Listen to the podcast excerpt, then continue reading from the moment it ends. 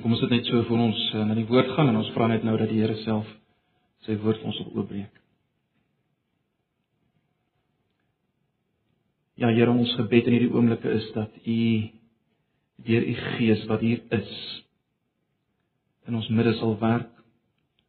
Ons sal vul ons sal leer en sal lei te verstaan wat U wil sê. Jy is ook waar ons vanoggend gaan dink oor U Heilige Gees. Ons vra dat U in ons midde sal wees en sal werk. Ag Here, aan U kom al die eer en die lof en aanbidding in hierdie oggend toe. U is die een wat waardig is om aanbid te word. En daarom wil ons nou vra, Here, dat alles wat ver oggend hier sal gebeur, verder as ons nou U woord gaan oopbreek, gaan luister, dat dit U sal groot maak. Here asseblief. Ons vra dit in die naam van Jesus. Amen. Nou ja, die van julle wat in die vakansietyd hier was, sal weet weet dat ons ehm um,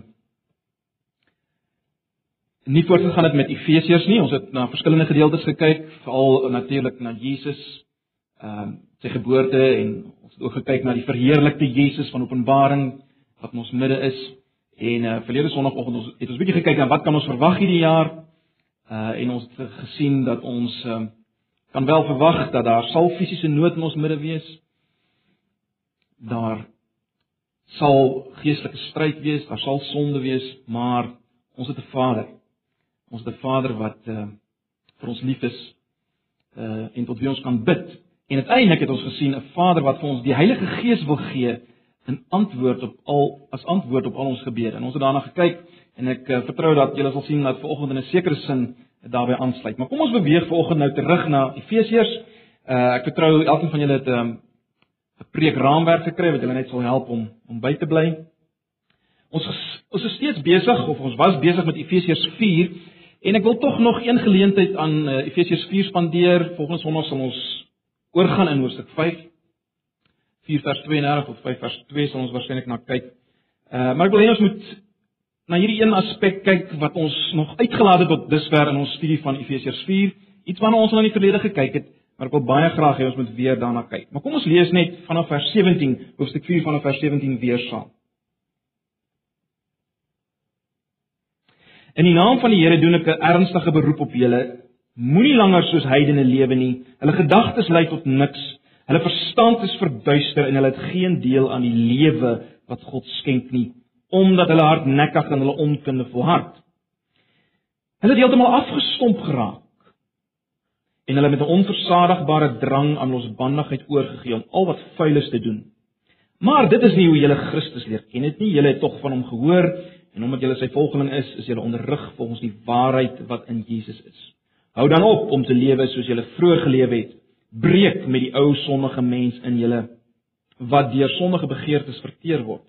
Julle gees en gedagtes moet nuut word. Lewe as nuwe mense wat as die beeld van God geskep is, lewe volkome volgens die wil van God en wees heilig. Nou dat julle die valsheid afgelê het, moet julle onder mekaar die waarheid praat. Want ons is lede van dieselfde liggaam. As jy kwaad word, moenie sondig en moenie 'n dag kwaad afsluit nie. Moenie die duiwel vat kans gee nie. As iemand 'n dief is, moet hy ophou steel. Hy moet deur harde werk op 'n eerbare manier self in sy lewensonderhoud voorsien, dan sal hy iets hê om vir die armes te gee. Vuil taal moet daar nooit uit jou mond kom nie. Praat net wat goed en opbouend is volgens die eis van omstandighede, sodat dit julle hoorders ten goeie kan kom. En moenie die Heilige Gees van God bedroef nie want hy het julle as die eiendom van God beseël met die oog op die verlossingsdag. Moet nooit verbitterd of opvleend wees of woedend word nie, moenie vloek of skel nie, moet niks doen wat sleg is nie. Wees goedsgesind en hartlik teenoor mekaar en vergewe mekaar soos God julle ook in Christus vergewe het. Ons lees sover en ons fokus is natuurlik volgende op vers 30 uh, binne die konteks van julle hoofstuk en van julle boek. Ek wil begin met 'n vraag vanoggend broers en susters. Het jy al tye van geestelike dorheid geestelike depressiwiteit beleef. Tye waarin jy onseker was van jou verlossing, jou redding. Tye waarin jy geen blydskap beleef het nie, veral miskien omrede verhoudings rondom jou nie is wat dit moet wees nie. Het jy al deur sulke tye gegaan? Het ons as gemeente al beweeg deur sulke tye? Ek dink as ons eerlik moet wees, moet ons sê ja. Ja, verseker het ons al. En onmiddellik is die vraag natuurlik, maar wat is die rede daarvoor? En, en ons moet versigtig wees natuurlik uh om te vinnig 'n antwoord te gee daarop want daar kan verskillende redes wees vir vir tye van geestelike dorheid, verlies aan blydskap. Daar kan selfs fisiese oorsake wees. As dit fisies nie met my goed gaan nie, uh, dan het dit gewoonlik 'n effek op op my geestelike lewe, nê, nee, want ons is 'n psigosomatiese eenheid. Dit kan ook wees dat dat God doelbewus baie keer my stroop van alle gevoelens en belewing juis om my aan hom en hom alleen te laat vashou. As mens gaan lees in die geskiedenis hoe God gewerk het met sy kinders, is dit 'n algemene getuienis. Maar broers en susters, kan dit nie wees dat daar ook ander oorsake is? 'n Oorsaak wat ons dikwels miskyk 'n oorsaak wat ons dikwels nie belangrik genoeg ag nie. Wat ons dikwels ignoreer.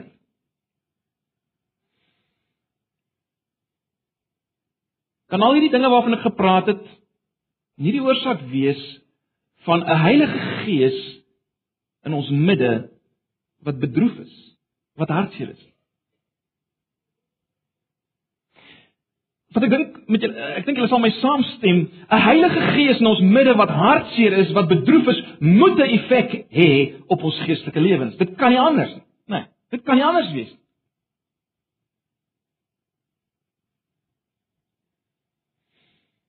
En daarom broers en susters, wil ek hê ons moet hier reg aan die begin van 2013 hierna kyk.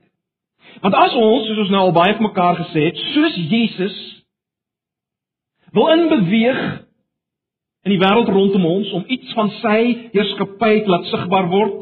Ons gesê dis ons visie. As ons so wil beweeg soos Jesus, is dit van absolute belang dat ons nie die gees van God bedroef nie.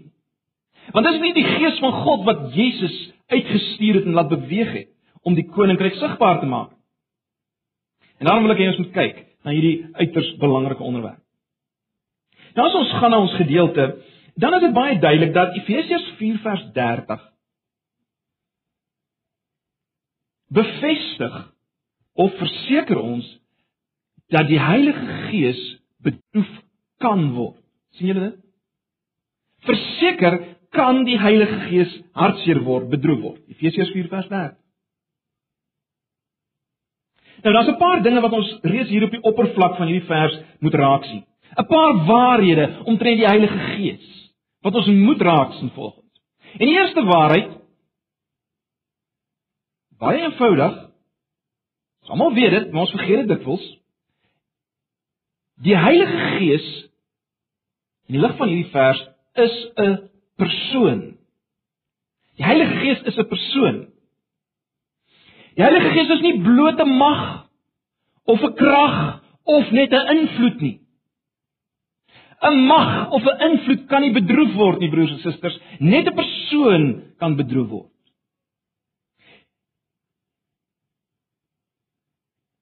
En as hy bedroef word, is die logiese implikasie dat hy sal begin optree soos 'n persoon wat bedroef is, né? Nee, ons kom later daarby. So dis die eerste wat ons moet raak sien, die Heilige Gees is 'n persoon. Wat ook opvallend is hier, is die woordkeuse wat uh wat Paulus gebruik. Hy sê nie vir ons moenie die Heilige Gees kwaad maak nie. Hy sê moenie die Heilige Gees bedroef nie. Dit is belangrik om dit raak te sien, is dit nie? Want die woord bedroef veronderstel 'n konteks van liefde, nie waar nie? As daar bloot 'n tegniese verhouding is, dan sal ons eerder praat van kwaad word. Dink maar byvoorbeeld uh as jy uh lei wegsteek by jou werk, laat kom, uh afskeep werk lewer, dan gaan jou werkgewer waarskynlik kwaad word. Hy gaan bedroef word. En sê daar baie nou band van liefde tussen julle is.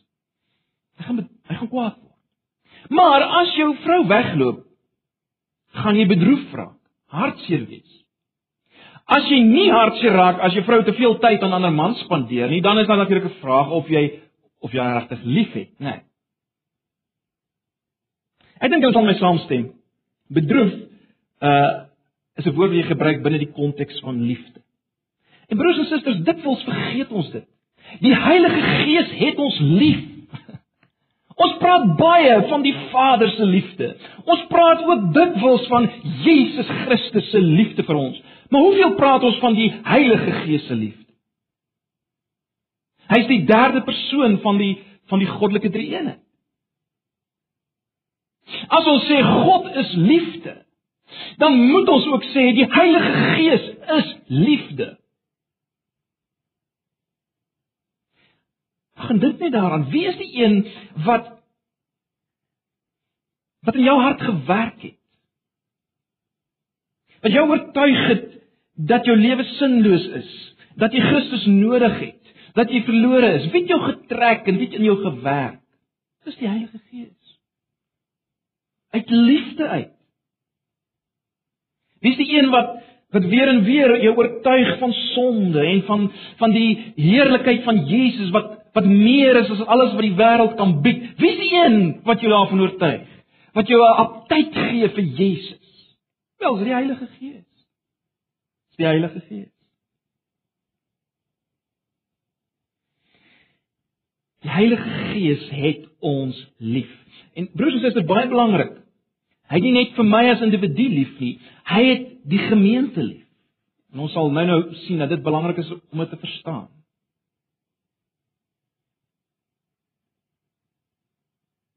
Het die liggaam lief. En vir my omdat ek deel is van hierdie liggaam. So die Heilige Gees is 'n persoon. Die Heilige Gees het ons lief. 'n Derde ding wat ons hier op die oppervlak moet sien is dit. Hy is die Heilige Gees. Hier word nie net gepraat van die Gees nie, baie doelbewus word uitgelig die Heilige Gees. In die Griekse taal is die klem nog meer daar. Hy is die Heilige Gees. Hy is heilig en daarom is die is die voor die hand liggende dat onheiligheid hom stuit teen die bors. Nee. En nou weet ons, hy is die een wat in ons woon. Hy weet alles van my. Hy ken jou diepste gedagtes en jou motiewe. In hierdie oomblik weet hy dit. Hy hy weet van daai verborgde jaloesie, broers en susters. Hy weet daarvan. Daai afguns, die subtiele vyandskap. Daardie ongesêde dinge in jou in jou kop. Ek ek hoop hy misluk of sy misluk. Kan dit nie vat dat hy of sy so suksesvol is nie. Wat dit mag wees. Jy sal weet. Daai dinge wat in jou broei, wat niemand anders weet nie. Die skokkende is die Heilige Gees van God weet. Hy's in ons. Dis die dis die groot wonderlike waarheid van die nuwe verbond, is dit nie? Dat God self nou in ons midde woon.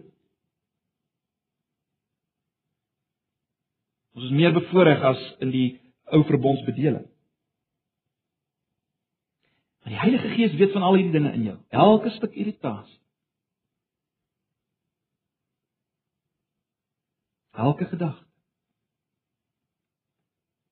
Hy weet dit en dit maak hom bedroef. Dit maak hom bedroef.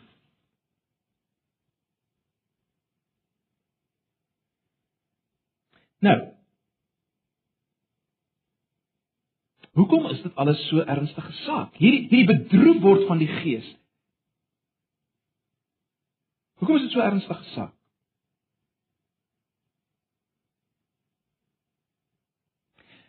Kom ons dink vir 'n oomblik aan die aan die hele konteks van Efesiërs, dit wat ons tot nou toe gesien het. Heel aan die begin in hoofstuk 1 vers 3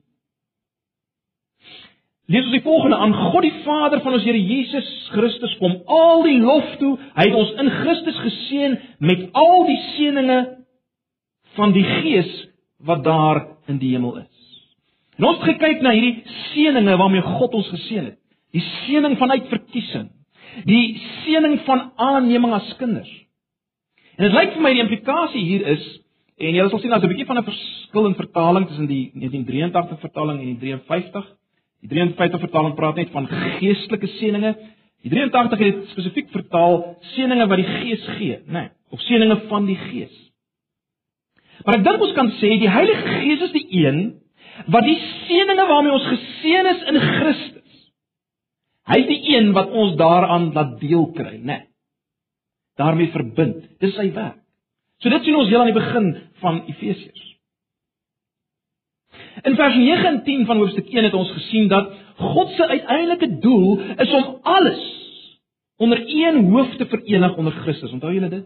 Dis waarna toe God op pad is. Hy wil 'n eenheid vorm waarin alles en almal onder Jesus Christus as hoof So ons kan sê God se groot doelwit is eenheid, is enigheid, as jy wil, is harmonie, as jy wil. Dis God se doelwit. En ons het mekaar gesê in, in die lig van die res van Efesiërs dat die gemeente ons is al klaar 'n klein afbeelding aan die wêreld van dit waarna toe God op pad is. Dis wat God wil hê die gemeente moet wees. En ons sal later kyk na die huwelik en sien die huwelik is weer 'n klein afbeelding van die gemeente. Die eenheid wat daar in die gemeente moet wees en uiteindelik van wat uiteindelik eendag op die hele aarde sal wees. Maar nou, wie is die een wat verseker dat ons uiteindelik gaan deel hê aan hierdie kosmiese eenheid as jy wil? Wat wat gaan verseker dat ons daar gaan uitkom?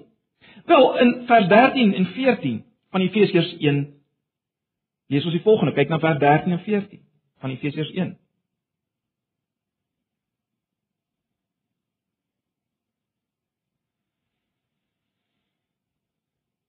Vers 13 deur Christus het ook julle deel geword van die volk van God toe julle die waarheid wat aan julle verkondig is, die evangelie van julle verlossing gehoor en tot geloof gekom het. En dan baie belangrik. In Christus het die Heilige Gees wat deur God beloof is, julle as eiendom van God beseël. Die Heilige Gees is ook die waarborg dat ons verder sal ontvang wat God beloof het wanneer hy almal wat aan hom behoort volkome sal verlos. Daarom moet ons sy grootheid prys. Hierdie gedagte van die Heilige Gees wat ons beseël, kry ons natuurlik dan nou weer in vers 30 van hoofstuk 4, né, nee, in in die van ons teksvers. En ek wil nie te lank daarop ingaan nie, maar broers en susters, as mens kyk na al die gebruike van van die woord beseël in die in die Nuwe Testament, eh, dan kan ons die volgende sê van dit wat die Heilige Gees doen. Ons kan sê die Heilige Gees hou ons geloof binne en hou ongeloof buite. Ons is beseël deur die Gees. Hy hy hou geloof binne en ongeloof buite. Hy bewaar ons teen die aanvalle van die bose. Hy is uiteindelik die die stempel van God dat ons aan God behoort. En in die lig van hoofstuk 1 vers 14, uh hy's die eerste paaiement, hy's die waarborg dat al die ander dinge wat God beloof het gaan gebeur. Die Heilige Gees is die waarborg daarvan. So. Dis wat ons sien wat waar is van die Heilige Gees. Dis wat hy vir ons doen. Maar daar's nog meer, is daar nie? As mens verder gaan in in in Efesiërs, kyk na vers 17 van hoofstuk 1. Hoofstuk 1 vers 17. Dis nie 'n hele sin in die 83 vertaling nie, maar Paulus sê ek bid dat die God van ons Here Jesus Christus, die Vader aan wie al die eer toekom, deur sy Gees aan julle die wysheid gee en hom so aan julle openbaar dat julle hom werklik kan ken. Met ander woorde, broers en susters, die Heilige Gees Gee ons wysheid om God te ken.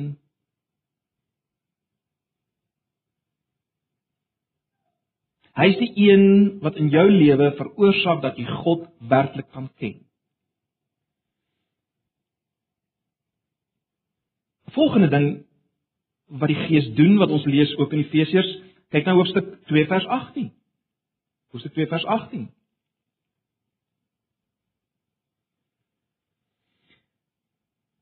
Deur hom dis Jesus het ons almal Jode en nie Jode deur die een Gees vrye toegang tot die Vader. En as mens verder gaan aan die einde van Efesiërs in hoofstuk 6 vers 18 sê Paulus ons moet altyd bid in die Gees. So wat is die punt? Die punt is maar net dis die Heilige Gees wat veroorsaak, wat maak, wat sorg as jy wil dat ons in kontak kom met die Vader as ons bid. Dis die Heilige Gees wat ons in kontak laat kom met die Vader. Baie duidelik. Dis die Heilige Gees wat ons innerlik versterk. Kyk na hoofstuk 3 vers 16. Ons het daarna gekyk, onthou julle? Paulus se gebed. Ons sien dit daar in Paulus se gebed, hoofstuk 3 vers 16. Ek bid dat hy deur sy Gees uit die rykdom van sy heerlikheid aan julle die krag sal gee om innerlik sterk te word. Dis die Heilige Gees wat ons innerlik versterk. En nou hoofstuk 5 vanaf vers 18 en ek gaan nie nou baie daaroor sê nie, ons ons gaan daarby uitkom. In hoofstuk 5 vanaf vers 18 is dit baie duidelik dat 'n lewe onder vervulling of letterlik onder invloed van die Gees is noodsaaklik vir die huwelik, vir die gesin, vir die werkplek. As ons die eenheid wat God wil daar wil laat sigbaar word aan die werk. Die Heilige Gees 'n lewe onder die invloed van die Gees is absoluut noodsaaklik daarvoor. Nee. Vers 18 moet julle nie aan drank te buite gaan nie. Daarmee gaan ons bannigheid gepaard. Nee, laat die Gees julle vervul. Met ander woorde in kort, moenie onder die invloed van drank lewe nie. Leef onder die invloed van die Gees. En hy's 'n persoon. Ons gaan nie nou daarop uitbrei nie, maar belangrik om te sien. Hy's noodsaaklik vir ons verhoudinge. Nou, broers en susters. Paulus gaan nie nou verder in vers 30 van Efesiërs 4 en hy sê vir ons presies wat gaan gebeur as jy die Heilige Gees bedroef het nie. Want ons weet nie presies nie. Maar in die lig van alles wat ons nou raak gesien het deur die boek Efesiërs is daar verseker afleidings wat ons kan maak, is dit nie? As die Gees 'n persoon is, is dit net logies daar sal 'n mate van onttrekking wees as jy hoor wat ek sê deur die Heilige Gees as hy hartseer is, as hy bedroef is. Dit beteken nie jy gaan verlore en jy's nie meer 'n Christen en hy's nie meer met jou nie. Maar wat betref sy invloed en sy werk gaan daar onttrekking wees.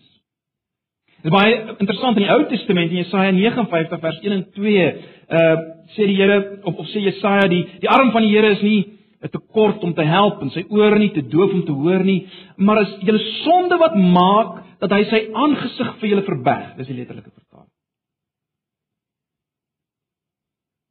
In die Nuwe Testament lyk dit vir my dat die Gees homself as te ware verberg as hy bedroef is. En daarom broers en susters, dink ek ons kan tot die slotsom kom dat in 'n gemeente waar die Heilige Gees bedroef is, sal ons iets verloor van ons blydskap, van ons sekerheid, van ons vastigheid.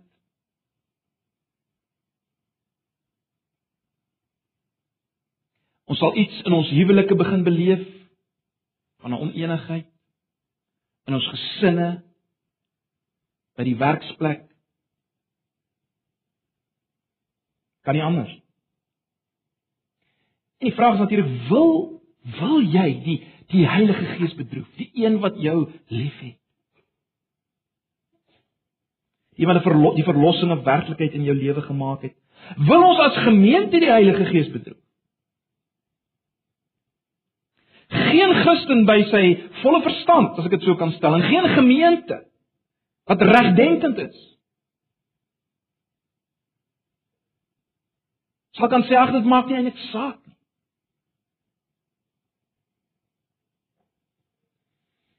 En daarom is dit baie belangrik broers en susters om die volgende vraag te vra, maar 'n vraag te vra, maar maar wanneer bedroef ek die Heilige Gees? En ek wil my beperk tot tot die konteks hier. Dit is belangrik dat ons die vraag sal vra want onthou wat ek aan die begin gesê het, daar kan ander redes wees vir vir geestelike depressiwiteit, vir die verloor van vreugde en so meer. So dit is belangrik dat ons sal afvra, maar goed, wanneer het ek die wanneer kan ek weet dis dis om omdat ek die Heilige Gees bedroef het dat hierdie dinge gebeur? Wel kyk na vers 30. En ons het al hierna gekyk in die verlede, maar ek wil dit net weer vir julle wys. Vers 30 lê ingebed tussen twee verse, vers 29 en 31 uit die aard van die saak, né? Nee. En en luister waaroor gaan vers 29 en vers 31. Vers 29: Vuil taal moet daar nooit uit julle mond kom nie. Praat net wat goed en opbouend is volgens die eis van omstandighede sodat dit julle hoorders ten goeie kan kom. Dan kom vers 30. Luister nou na vers 31. Moet nooit verbitter of opvleend wees of woedend word nie, moenie vloek of skel nie. Moet niks doen wat sleg is nie. Wees goedgesind en hartlik teenoor mekaar. En vergewe mekaar soos God julle ook in Christus vergewe het. Hoekom plaas Paulus die bedroef van die Gees tussen hierdie twee verse? Wel, ek dink daar kan net een rede wees, né? Nee. Die manier hoe ons met mekaar praat, met mekaar omgaan.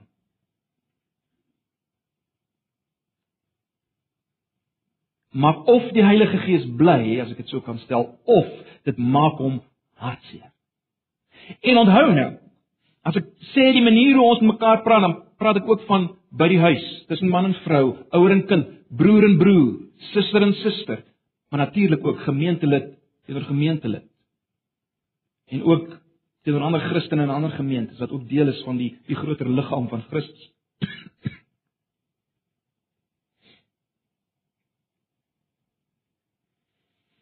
Die manier ons praat maak die Heilige Gees hartseer.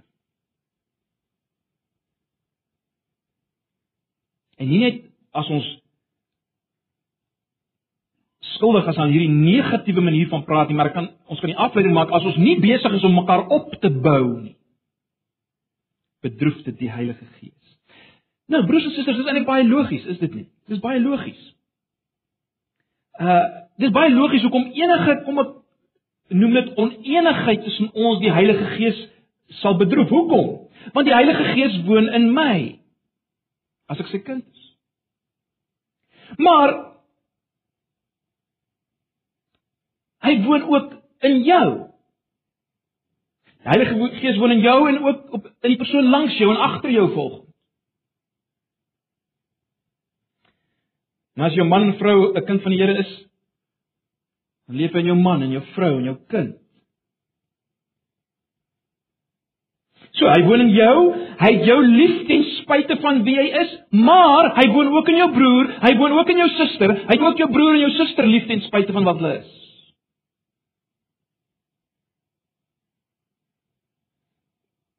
Dis hy wat die eenheid geskep het in die gemeente terloops. Uh, ek het dit uitgelaat as ons kyk na wat die Heilige Gees doen in hoofstuk 4 vers 3 is 'n belangrike vers. Miskien moet ons nou daarna kyk. Kyk na 4 vers 3. Hoofstuk 4 vers 3. Lê julle daarop toe om die eenheid wat die Gees tussen julle gesmee het te handhaaf deur in vrede met mekaar te leef. Ek moes dit net net nou gesê maar dit is miskien belangrik as dit hier sê.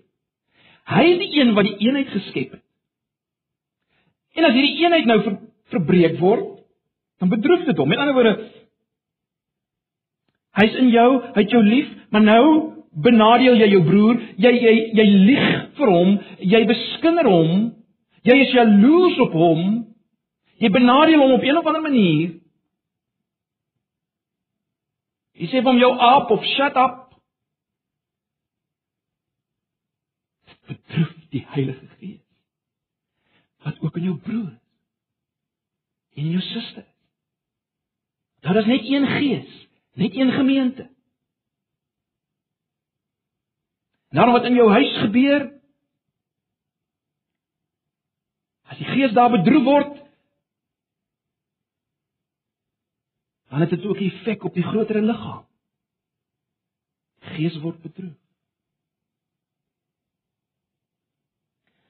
En ek het reeds gesê dit gaan nie net oor oor die negatiewe manier van kommunikasie. Nou alles wat daarmee saamgaan, maar dit gaan die, die vraag is, bou ons mekaar op? Jy het gesien dit dit kom weer en weer na vore in vers 25. Ons moet die valsheid aflê en die waarheid onder mekaar praat omdat ons een liggaam is. In vers 29 is dit baie duidelik. Praat net wat goed en opbouend is. Sodat dit julle hoorders ten goeie kan kom, letterlik sodat dit genade kan gee vir julle hoorders, sê die letterlike vertaling.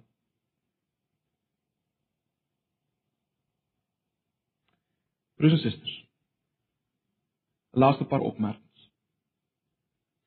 Waaraan moet ek die welstand van my geestelike lewe en 'n gemeente se geestelike lewe meet in die lig van hierdie gedeelte? Kom ons dink net aan ons aan ons as individue persoonlik. Moet ek my geestelike lewe meet net aan die tye wat ek in gebed spandeer, my geestelike aktiwiteite? Natuurlik is dit ontsaglik belangrik. Uh, moet my nie verkeerd verstaan nie. Maar broers en susters, in lig van hierdie gedeelte, lyk dit vir my of of of, of asof ons geestelike welstand direk verband hou met hoe ek binne my gesinsverband praat en optree. Hoe ek teenoor ander in my gemeente optree, praat, dink en natuurlik ook teenoor ander Christene buite die gemeente, hoe ek hulle praat oor hulle praat, dink, my optrede. Jy sien ons is geneig om ons geestelikheid te meet net aan hoe gaan dit in my binnekamer. Ons het al hieroor gepraat, maar hier sien ons dit weer broers en susters. Kom ons stel dit baie duidelik. As daar iets skort met my verhoudings, dan skort daar iets in my geestelike lewe. Ek kan nie die twee losmaak. Dan gaan dit sleg met my geestelik. Maak nie saak wat se goeie geestelike boeke ek lees. Hoe aktief ek is in bedieninge in die gemeente nie. Al my stilte tye, dit gaan sleg met my geestelik. Want ek betroef die Heilige Gees van God. As gemeente. Ag, ons kan so maklik broers en susters die klem plaas op op tegniese en teologiese eenvormigheid. Almal moet net dieselfde dink en presies dieselfde oor oor sake glo. Maar dit lyk vir my nie dis wat die Heilige Gees die klem lê nie. Dit lyk vir my die klem is meer op op leef ons in opbouende liefde teenoor mekaar.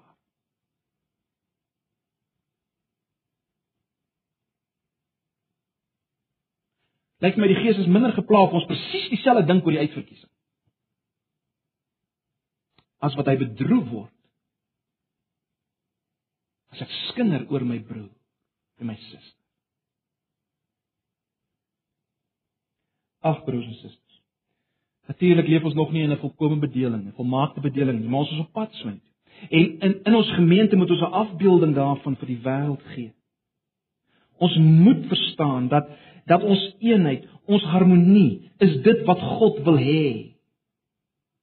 Ons moet verstaan volgens dat die gees van God wat in my is, is ook in my broer en suster. Al dink hy of sy anders as ek, al het hy of sy ander tipe persoonlikheid wat my teen die bors styt.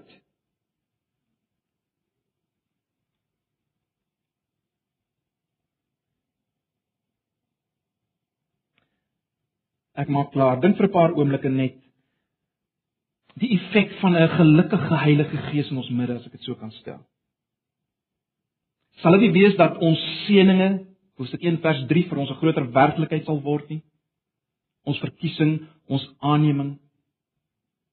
Sal dit nie wees dat ons sekerheid van verlossing meer sal wees in die lig van 1 vers 13 en 14, ook vers 30 nie? Sal daar nie meer waarlike kennis van God in ons midde wees nie 1 vers 17 sal ons nie meer vryheid in ons gebed beleef toegang tot die Vader hoofstuk 2 vers 18 en ook hoofstuk 6 nie. Sal ons nie meer innerlike versterking beleef nie hoofstuk 3 vers 6 sal ons nie meer eenheid beleef in die gemeente nie hoofstuk 4 vers 3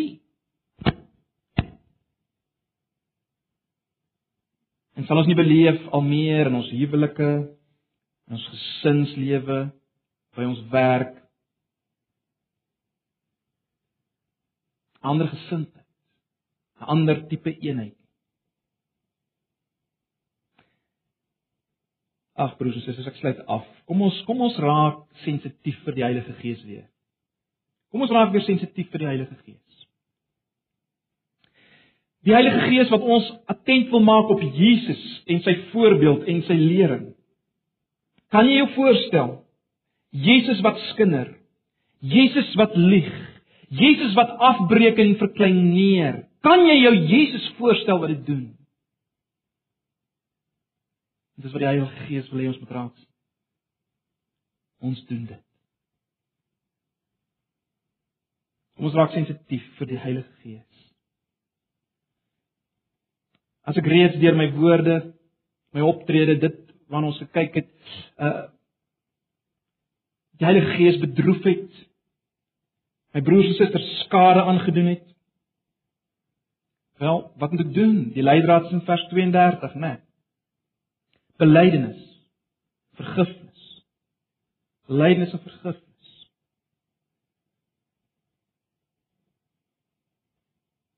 Dis natuurlik die gevolg van die Heilige Gees se oortuigingswerk, maar maar dit maak ook hom bly, nê. Nee. Hoekom wanneer herstel weer eenheid? Nou as Here wil, sal ons volgende Sondag spesifiek kyk na vers 32 tot hoofstuk 5 vers 2.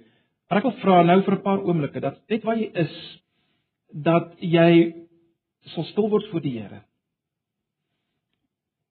bely dit wat jy weet in hierdie oomblik bely moet word. En as daar iets is wat jy moet regmaak volgens met iemand waar jy moet vra vergewing vir my vir daai skewe woord wat ek gesê het. Nou as dit nou die geleentheid, tog. Dalk jy by die huis kom. Kom ons neem 'n paar oomblikke voor ons die nagmaal gaan gebruik. Ons raak vir 'n paar oomblikke stil voor die Here in die lig van wat ons nou gesien het. Kom ons raak stil voor.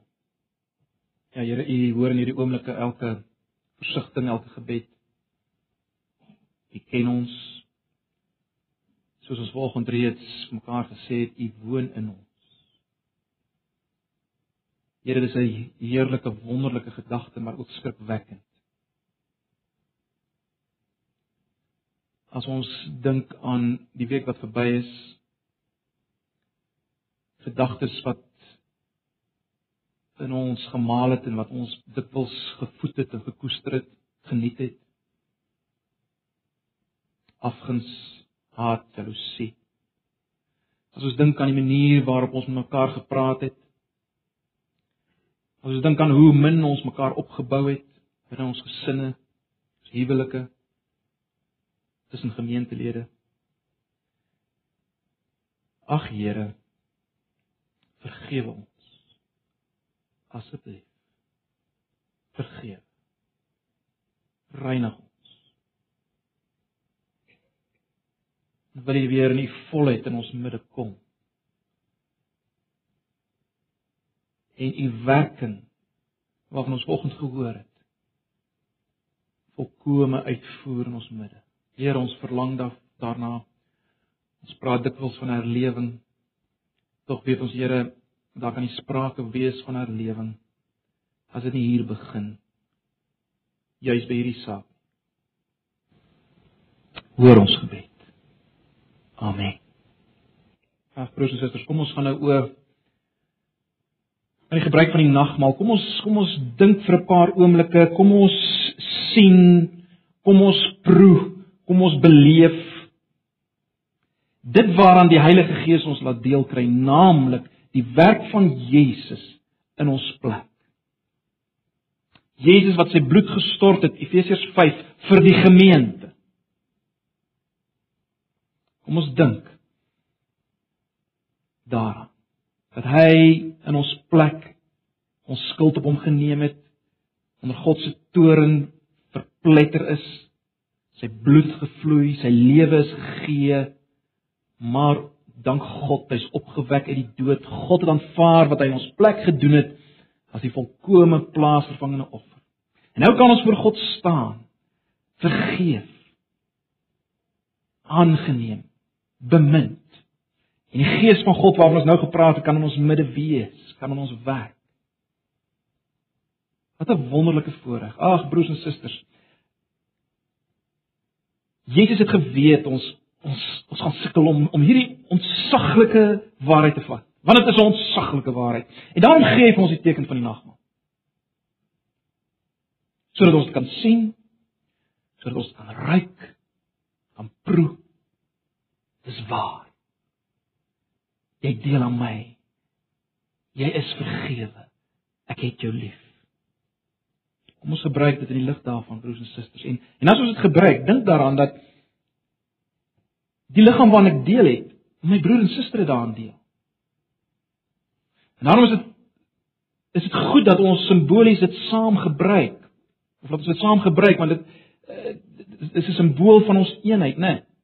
Ons is saam deel van hierdie liggaam. Hy het vir ons sy bloed gegee, nie net vir my nie. Dank God vir my, maar nie net vir my. My broer, my suster, wie ek een is. Kom ons gebruik die nagmaal in die lig daarvan. En wat 'n vertroosting dat die Heilige Gees self in ons midde is. Baie interessant, uh, in die reformatie tyd was daar 'n groot debat geweest rondom die nagmaal, né? Nee. Uh, daar was die Rooms-Katolieke lyn wat gesê het maar die die die die, die brood en die wyn is werklik Jesus se liggaam in sy bloed. En uiteindelik het die reformatore gesê nee. Uh dis simbole, maar hy is hier teenwoordig. Hoe? Deur sy gees.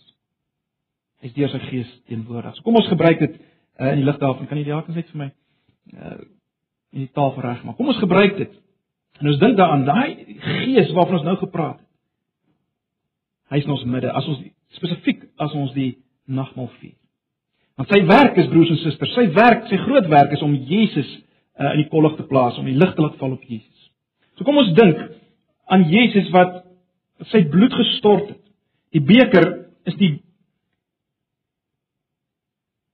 is die bloed wat gestort is om die nuwe verbond tot stand te bring, die nuwe verhouding tussen ons en hom.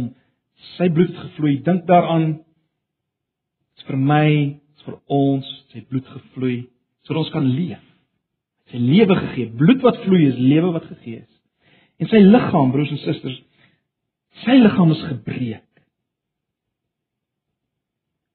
vir sy liggaam ons sodat ons kan leef en nooit uiteindelik deur God verlaat hoef te word nie. Nooit gebreek hoef te word oor God se oordeel teenoor sonde.